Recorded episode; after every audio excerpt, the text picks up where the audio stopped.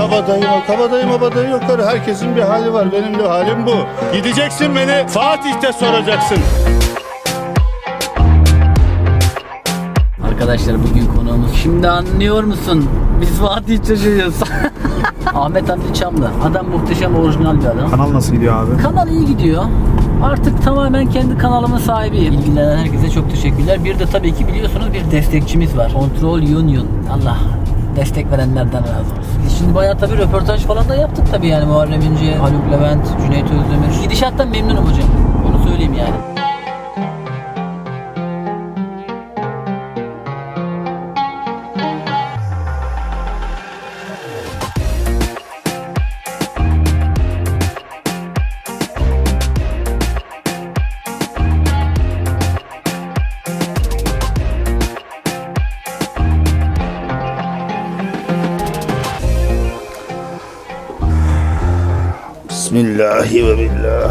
Şey çok önemli be. Ya olduğun gibi görün, ya göründüğün gibi ol.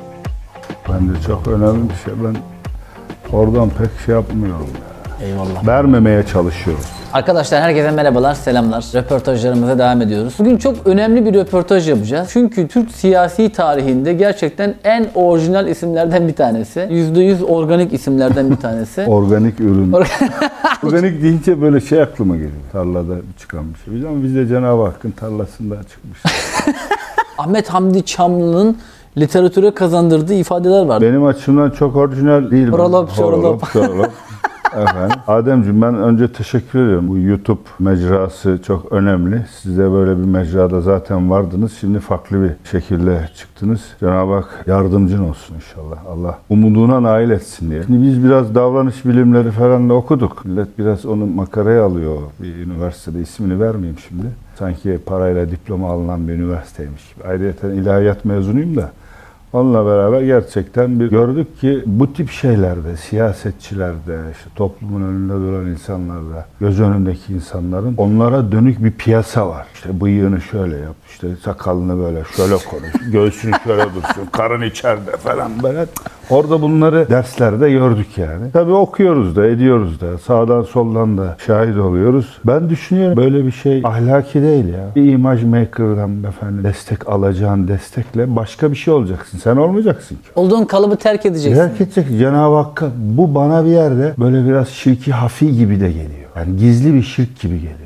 Cenab-ı Hak seni yaratmıştı Adem bu kardeşim yani. İnsanın kendini günümüze uydurması, geliştirmesi de çok da fena değil sanki yani. Yo fena değil ama şöyle olduğunun dışında bir hale bürünüyorsa o kötü. Abi dur şimdi biz bu konuya nereden geldik? Nereden Ahmet- geldin sen açtın mevzu işte. Şu, şunu söylemek istiyorum. Hani dedin ya organik e, falan. Evet. e, işte, doğalsın. Abi süper adamsın E ne ya. yapayım ben şimdi?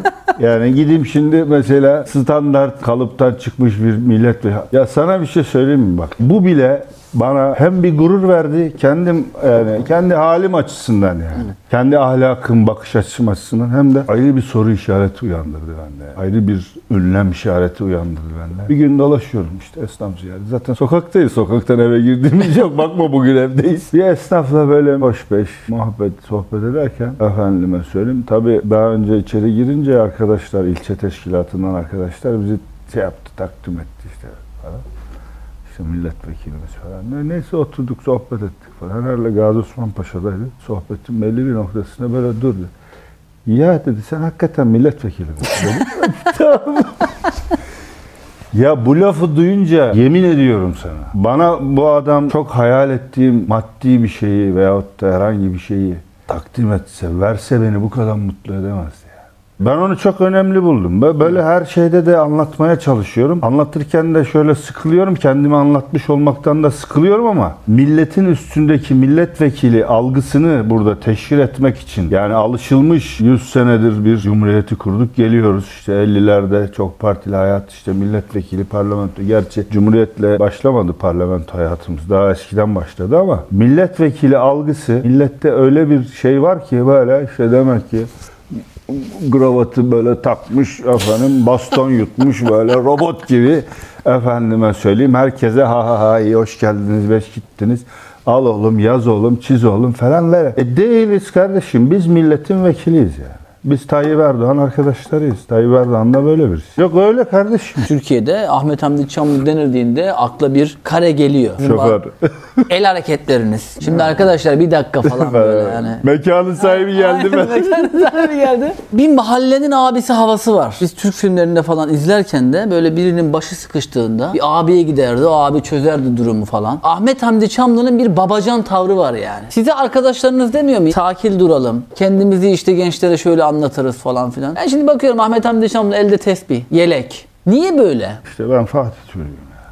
İşte geldin buralarda. Değil mi? Fatih'tesin şu anda. Sarıgüzel Caddesi'ndesin. Meşhur Mehmet Akif Ersoy'un doğduğu Sarıgüzel Caddesi'ndesin. Evet. Fatih'in gezdiği sokaklardan geldin sen de şimdi. Kanuni Sultan Süleyman hep bu sokaklarda geziyor. Evet. Şimdi böyle bir tarihi müktesebat ikliminde doğduk. Allah razı olsun Hacı Baba'dan bizi getirip İstanbul'un daha konforlu efendim işte Florya'sı, Ulusu bilmem nesi gibi yerlerde değil de o da direndi ve Fatih'te durdu. Ben de direniyorum şimdi Fatih'te durmaya. Buranın verdiği bir şey ister istemez oluyor. Eğer biraz da evin içindeki iklimde anne babanın ikliminde geçmişe saygı, ecdada saygı, hürmet, onları anlamak, tanımak gibi bir iklimde varsa böyle bir şey oluyor demek yani. Samimi arkadaşlardan o yönde geri dönüşler alıyorum yani. Hani hatta mecliste de oldu biliyorsun o Sakarya'da bir tane var. Zavallı diyeyim yani. O da bu memleketin çocuğu. Bizim aynı nüfus kağıdını taşıyoruz ama maksadında vatan millet ağzında dilinde var ama maksadında vatan millet olmayan bir tane zavallı var ya Sakarya CHP milletvekili.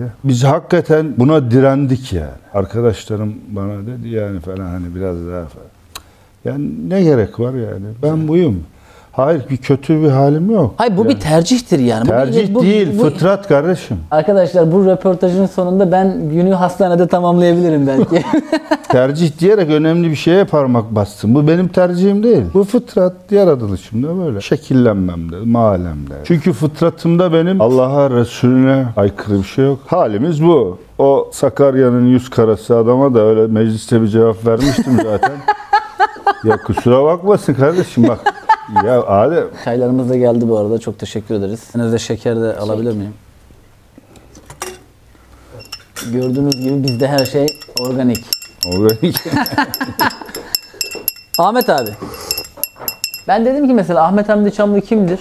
Bir araştırayım. Ben bir röportajınızda izlemiştim. Siz aslında Cumhurbaşkanı şoförlüğünü yapmamışsınız.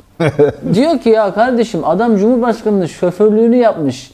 Ağırlık oradan geliyor yani anladın mı? İstediği gibi konuşuyor falan filan. Niye yıllarca reisin direksiyonunu sallamış?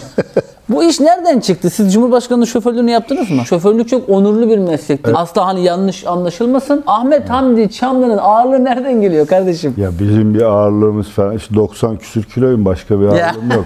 Gerçekten ben öyle bir ağırlık falan vehmettiğim yok. Ya şimdi insanın kendisinden bahsetmesi biraz sıkıntılı. Şöyle babamın nüfus kağıdında of yazıyor ama şu anda bizim köyümüz Dernek Pazarı ilçesinde Kolo Mahallesi denen bir mahallenin Makidanos köyü. 1918'de oradan gelmişler bizimkiler. Adapazarı'na. Bizim sülalemizin devesi Adapazarı'na çökmüş. Hatta gelirken amcam yolda doğmuş. Amasya'da. O göç esnasında. Babam da 40'larda 50'lerde İstanbul'a Fatih'e gelmiş. Babamın devesi de Mehmet Zahid Kotku Hoca Efendi'nin eteklerine çökmüş. Burada işte İskender Paşa. Burada şekillenen bir hayatımız var. Babam esnaf bir adam. Deri, imalat ve satış yapan bildiğin deri ceket. Aynı zamanda da inşaat işiyle iştigal eden bir esnaf adamdı. 1969'da işte Mehmet Efendi'nin de teşvikiyle, tavsiyesiyle başlayan o bağımsız hareketler Erbakan Hoca başlattığı o bağımsız hareketlerde Erbakan Hoca ile birlikte hareket eden Milli Nizam Partisi, Milli Görüş çizgisinin ilk nüvelerinden bir tanesi. Çok önemli de isimler yetişti buradan tabii. Çok çok. Necmettin Erbakan diye bir adam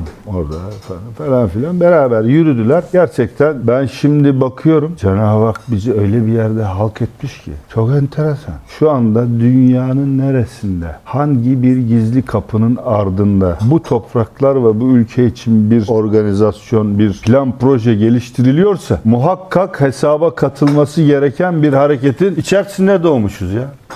Baba bak çok önemli bir şey. Kadere bak, kısmete bak. Beştepe'de oturan Cumhurbaşkanımız Recep Tayyip Erdoğan'ı ve onu bütün dünyada önemli kılan bir hareketin neticesinde burada şimdi değil mi? O hareketin nüvesinde doğmuşuz ya. Ben bunun altında eziliyorum kardeşim. Bunun hakkını veremiyoruz yani. Ben ben şahsen bunun hakkını veremediğim kanaatindeyim yani. E burada doğmuşuz. E babamız esnaf. Bu siyasi hareketten doğduğumuz günden beri doğduğum ev yandaki köşedeki bina hala duruyor. O evi ben Saraybosna'da ev var ya orada meşhur havalimanının yanında. O köy evinin içerisinden bir tünel Saraybosna havaalanını geçiyor. Saraybosna'nın içine kadar. Çünkü o İgman dağlarından Sırp tetikçiler biliyorsun sniperlar. Tünel yeri kapamışlar. Şehrin içinden dışına giriş çıkış yok. Efendim işte Aliye arkadaşları bir şekilde oradan bir o köy evinin içinden ahırdan bir tünel oluşturmuşlar. Işığa giden yol. Işığa giden yol bravo. İhtiyaç gidiyor. Yaralılar, ilaç, efendim ameliyat malzemeleri, silah falan neyse. Bizim evde ben biraz öyle benzetiyorum. Çünkü Erbakan Hoca'nın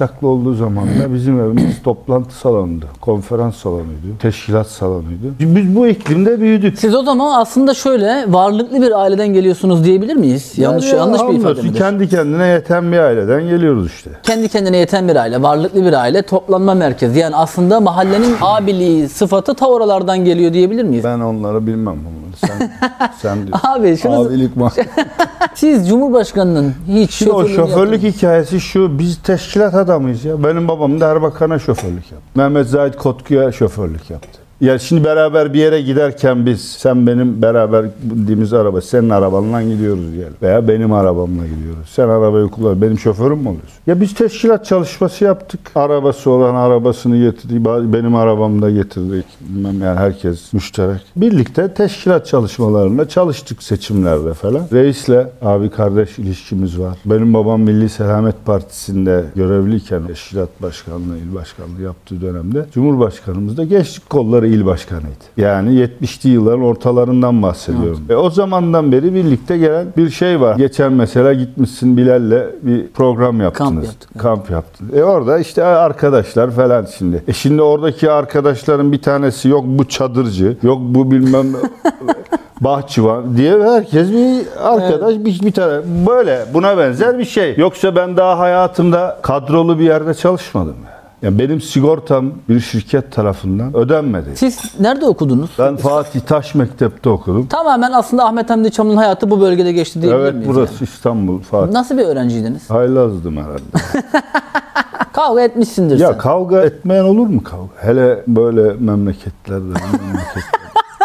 Ya burası Türkiye yani. Ben burası derken Fatih'ten bahsediyorum ama Fatih Türkiye'dir. Hatta İstanbul Saraybosna'dır. Konstantin'in gezdiği sokaklardan geldiğinde buraya çıktı. Dev adam gibi yürüyor bu sokaklar. Hani bana diyorlar ya böyle kabadayı kabadayı geziyor. O ne ki ya? Ben kendimi burada sokaklarda gezerken böyle ellerim bacalara çarpıyor, antenlere, minarelere çarpıyor gibi geziyorum. O ruh halinde geziyorum. 200 metre ileride yatıyor Sultan Fatih. Kim? Bir çağ kapatıp bir çağ açan adam. Çok kıymetli ve şüphesiz. 200 metre ileride yatıyor. Komşuyum kardeş. Ruhi maneviyesini hissediyorum yani. Peki abi bir şey soracağım. Ahmet Hamdi Çamlı duygusal bir adam mıdır? Mesela siz hiç şiir okur musunuz yani? Şiir okurum da hafızamda tutamam fazla. okurum tabii ya. Şiir severim yani. Ya o manada duygusallayabiliriz ya. Abi Diyebilir, diyebilirsin yani. Bazı isimler vardır ya organize eder yani. Bir haksızlık varsa bir yerde arkadaşları toplayıp gider. Böyle hiç olayların içerisinde olur mu? Şimdi şöyle 70'li yılların işte sonlarına doğru ikinci yarısında Fatih'te buralarda serpilirken Fatih Akıncılar vardı. Siz şu an kaç yaşındasınız? 65, 65. 54 doğumluyum. Göstermiyorsunuz ya. 65 yaşında değil ha. Sokağa çıkmaya sana tabi değilim.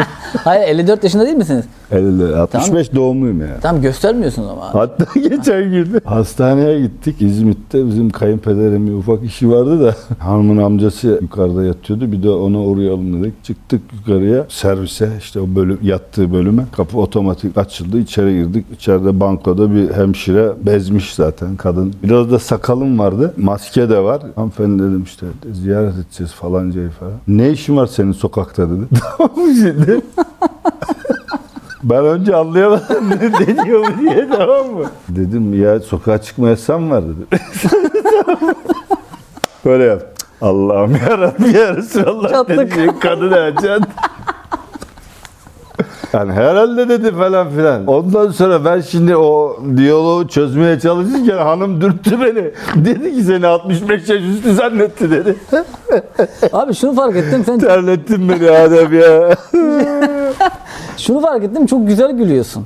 Tabii gülerim ne yapayım ya. Ama mesela bunu çok göremiyoruz. Niye? Aslında özünüzde çok iyi bir insan olduğunuzu biliyorum. Fakat Allah böyle hep o senin iyiliğin. Mesela şöyle aklıma gelen şeyleri söyleyeyim mesela hani. Kardeşim biz reisin adamıyız.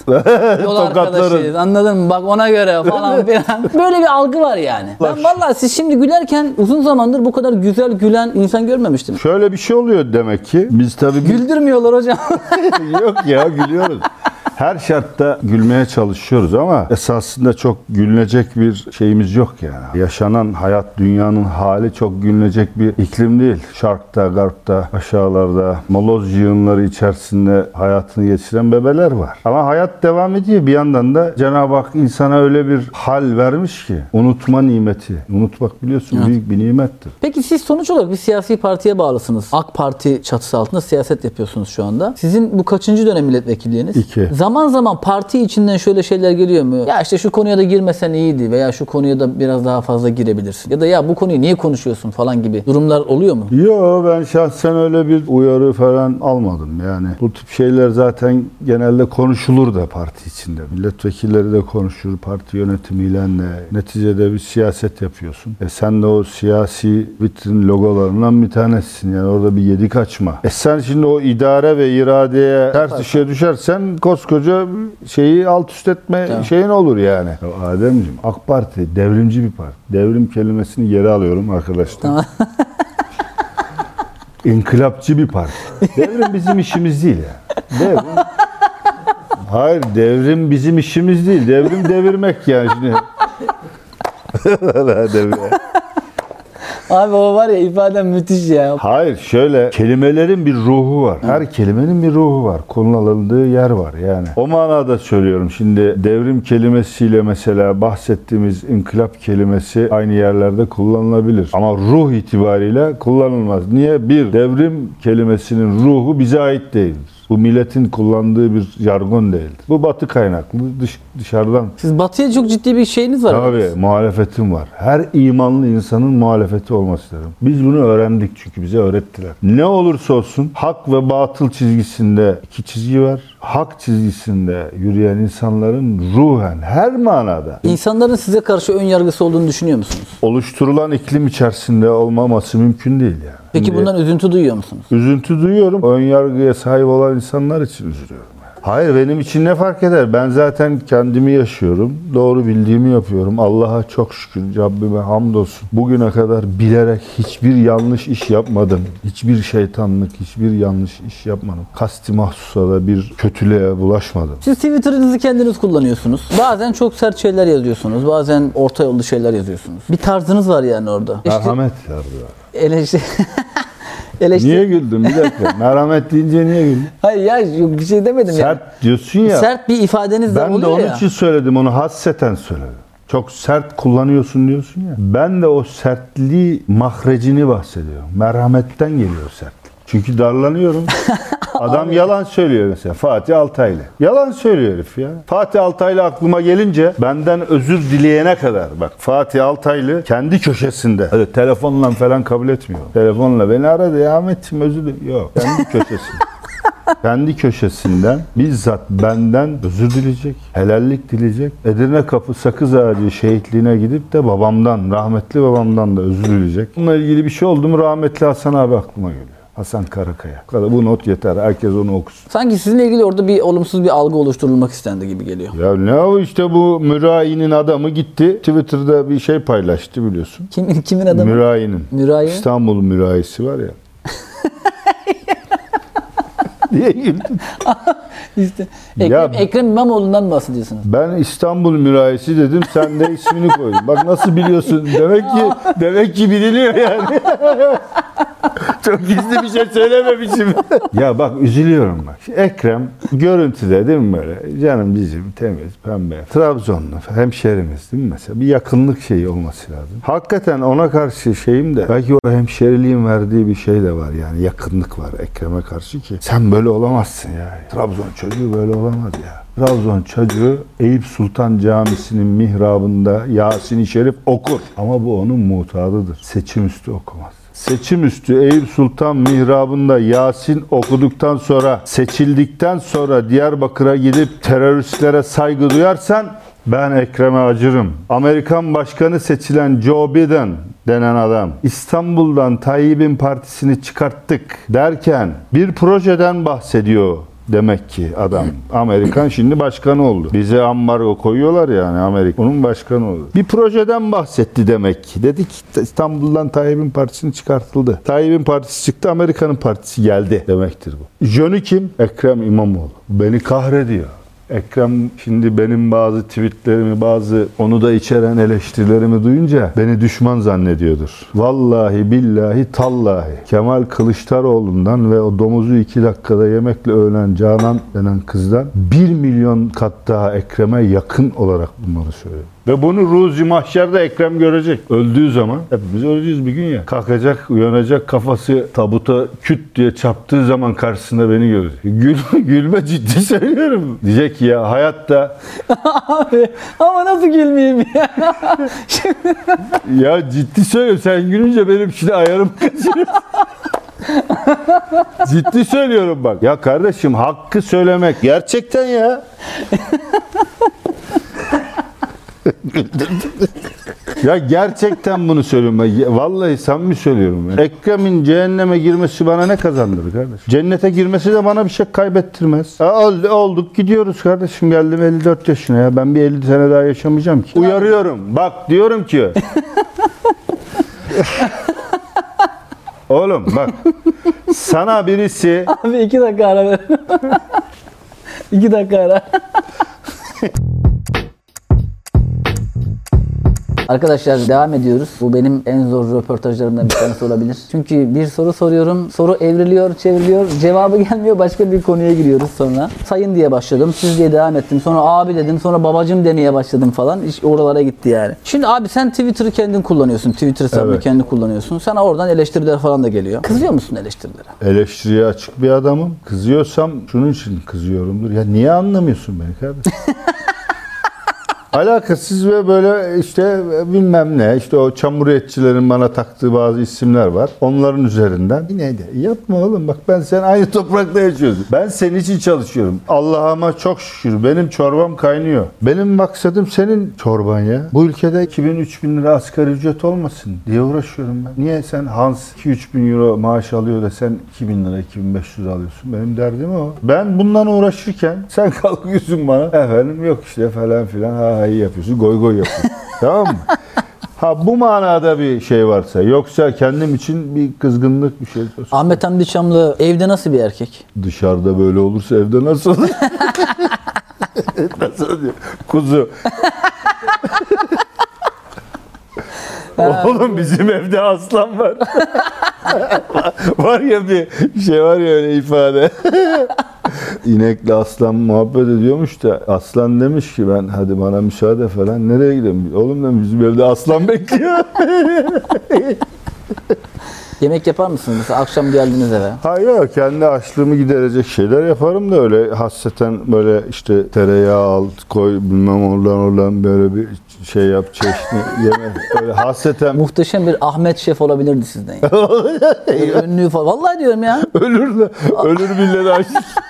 Hiç izler misiniz böyle televizyonda yemek programı yapan? Televizyon karşısında çok vaktimiz olmuyor bir kere. Akşamları bazen işte geliyoruz. Varsa haber haber onlara bakıyoruz. Arkadaşlar biraz önce bir aşı konusu konuştuk. Şimdi o kayıtları izliyorsunuz ama size anlatamayacağımız sadece ikimizin bildiği çok özel şeyler konuştuk. dedim ki sen aşı olacak mısın ve aşıda çip olduğunu düşünüyor musun dedim. Ne düşünüyorsun mesela? Bir sürü komple teorileri konuşuluyor, üretiliyor. Çip takılacak falan diyorlar mesela. Sana çip takılacağını düşünüyor musun abi? Bize takılan çip şaşırır ya. Feleğini şaşırır çip. Nereye hangi bilgi vereceğini şaşırır. Hangi sinyali verecek?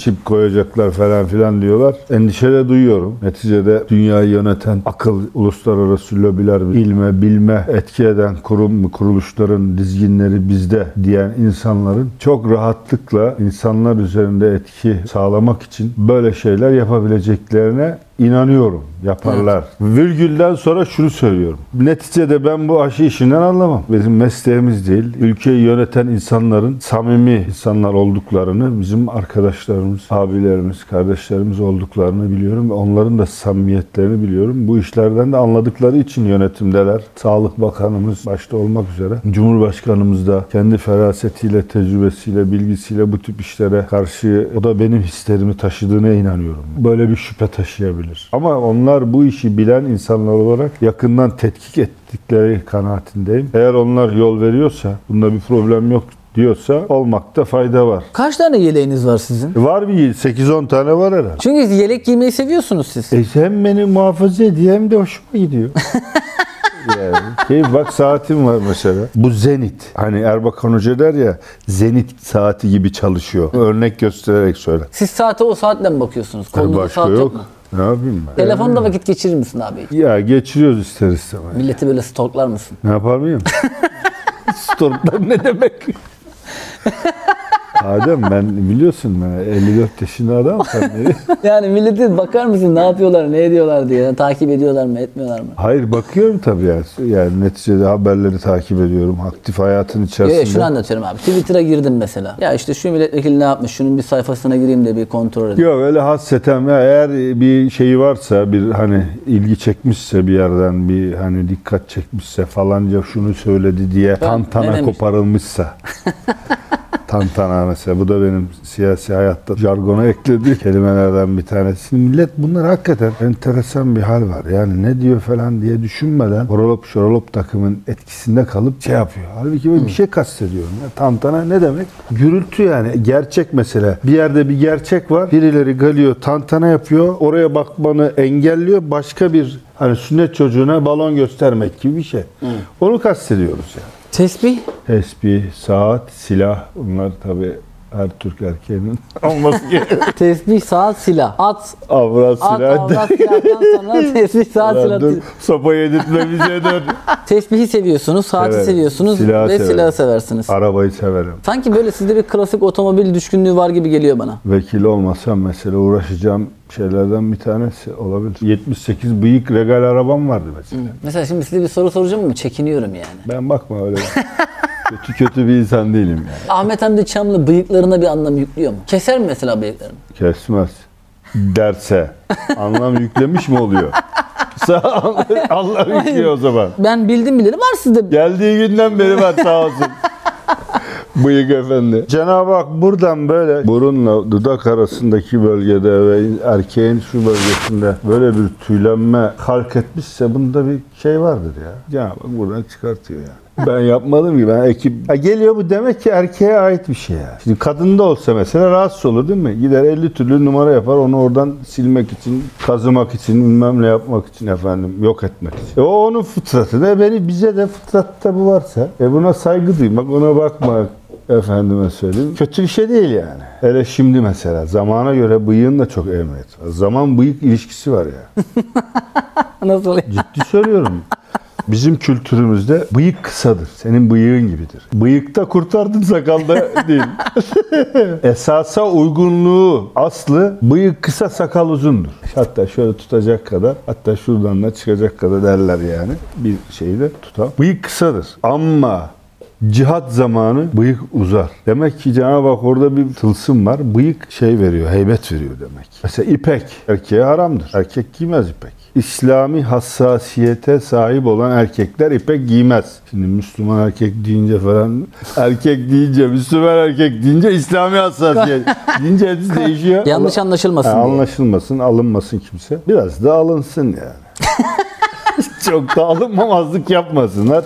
Neticede yanlış bir şey söylemiyoruz. İpek insana gurur verir. gösteriş şeyidir yani. Onun için kadınlar daha yakındır erkek şeyi daha uygun görülmez. Ama cihatta serbesttir erkeğe. Niye? İşte gurur versin yani. Heybet kazandırsın, surur versin, göğsünü kabartsın falan böyle. Efendim bir de karşıdan mesela düşmanla muharebe halindeyken güneş ışıkları ipeğe vurdum böyle bir alaca bulaca yapar yani. Işık oyunu yapar. Ola ki düşmanın gözünde bir şey yapar diye mesela bu tip buna benzer gerekçeleri var. Baston var orada. Baston bir tane değil ki. Bir sürü var Şimdi orada. geçelim oraya yavaş yavaş. Hadi gel geçelim bak.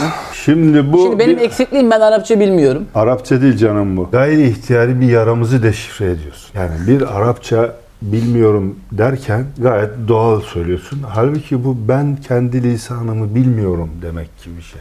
Ben de aynı. Ben de kendi lisanımı bilmiyorum. Zahmet ediyorum, zorlanıyorum okumak için. Mesela bunları daha önce okuduğum için belki şimdi rahat okuyacağım ama bunu yeni görmüş olsam kekemeleyerek okuyacaktım. Evet. Ne yazıyor burada? Bu Sultan Hamid'in hanımı odasında sırtında duvara koyduğu bir hat bu. Gönül tahtında senden özge sultan olmaya ya Rab.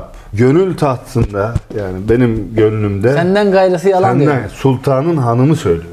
Biz işte o Kızıl Sultan dedikleri o sultan ahfadıyız. Gurur duyuyoruz. Bununla hiç atış yaptınız mı siz? Ya atış yapma. Ya o zaman atıp atmadığını bilmiyorsunuz. Hayat şurada şey var. Bakalım atar atmaz. Bak iğnesi var. Görüyor musun bak? Bak. Bak şu iğne. Evet mermiye gelince. Tamam neyse atıyor. şeytan doldurur şimdi. yani. Bastonlar böyle gittiğim yerlerden topluyorum. Seviyorum. Hoşuma gidiyor. Yani erkek aksesuarı diye. Yani, yani aksesuar yani. günümüzde pek kullanılmayan bir erkek. Sünnettir aynı zamanda. Baston taşımak sünnettir biliyorsun. Terazi sanki biraz kaymış bu tarafa. Olmaz mı? Ben bunu gittim aldım. Getirdim eve. Şey yaptım falan yani. Böyle, böyle al getir buraya koy değil. Mesela bak burada. Şu da farklı bir bastondur bu. Allah buna ihtiyaç düşürmesin. Mesela bu da Bak o klas bir şey mesela. bu klas. Şimdi korkacaksın. Korkma. Kılıç kılıç mı var? Vay.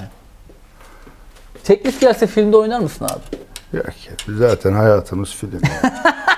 bu Diriliş falan. Diriliş, var ya, evet. Hiç izlemedim. Ben bu tip dizileri böyle çok denk gelirsem falan bazen bakıyorum. Zorla ya.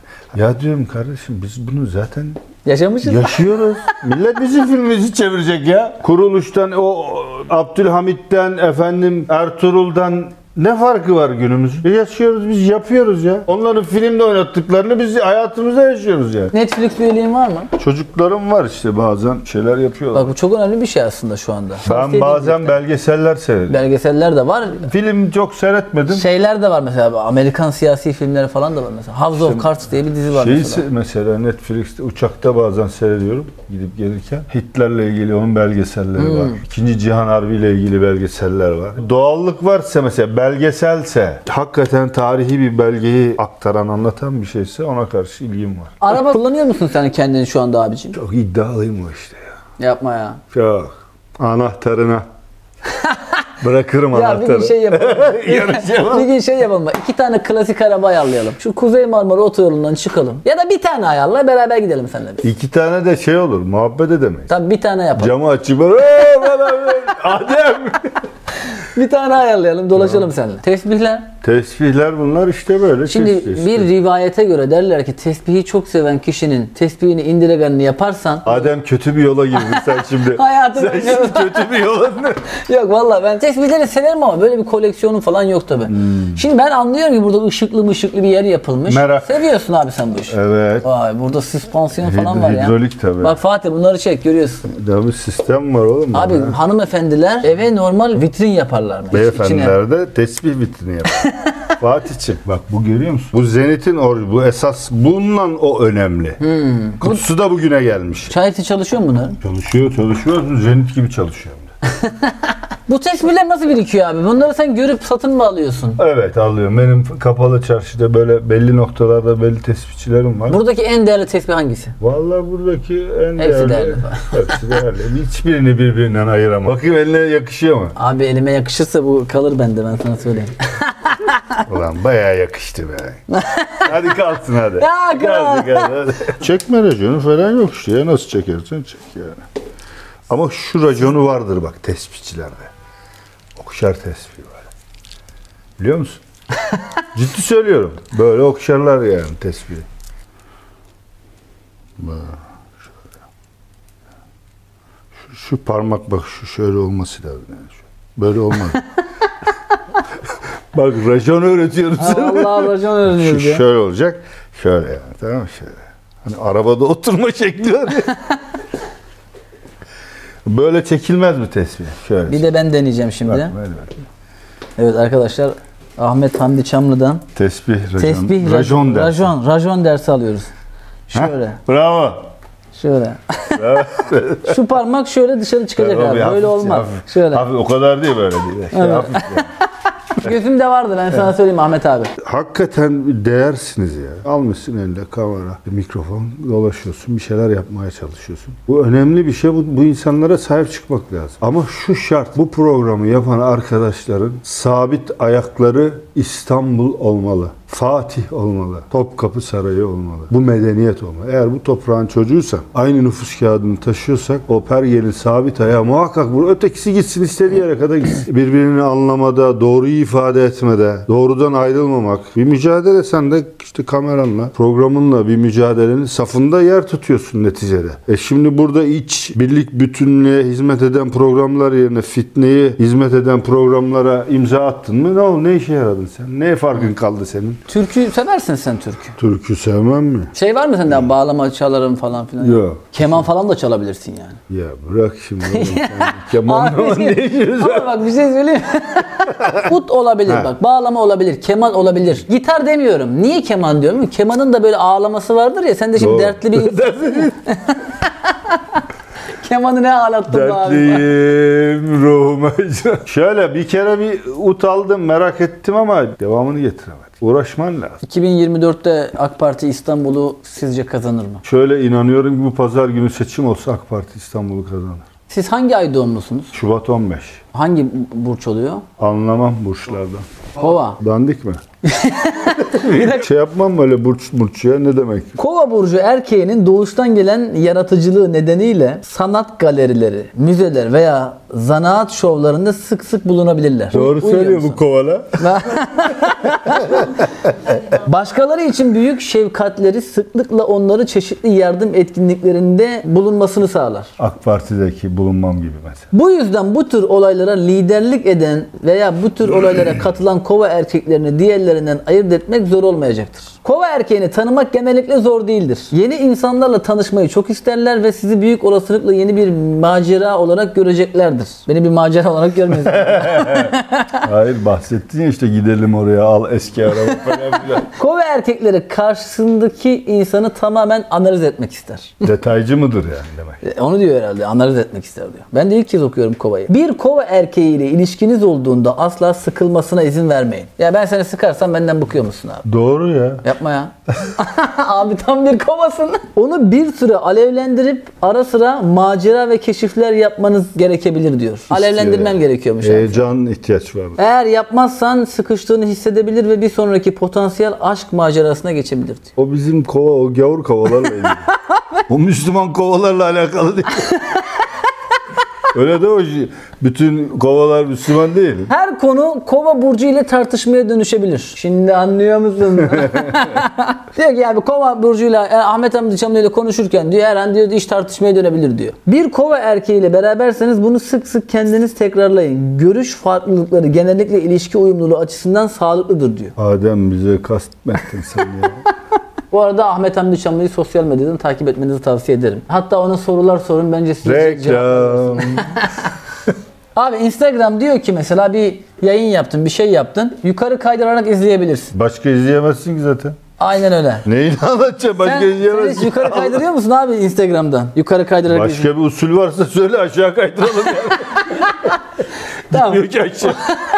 Arkadaşlar bir sonraki röportajda görüşmek üzere. Ama size şunu söyleyeyim. Bak abi bu video kaç izlenirse mesela benimle otobana gidersin. Arabayla otobana. Arabayla, evet. Bir tane bile izlense gideriz. Eyvallah, çok demek ya?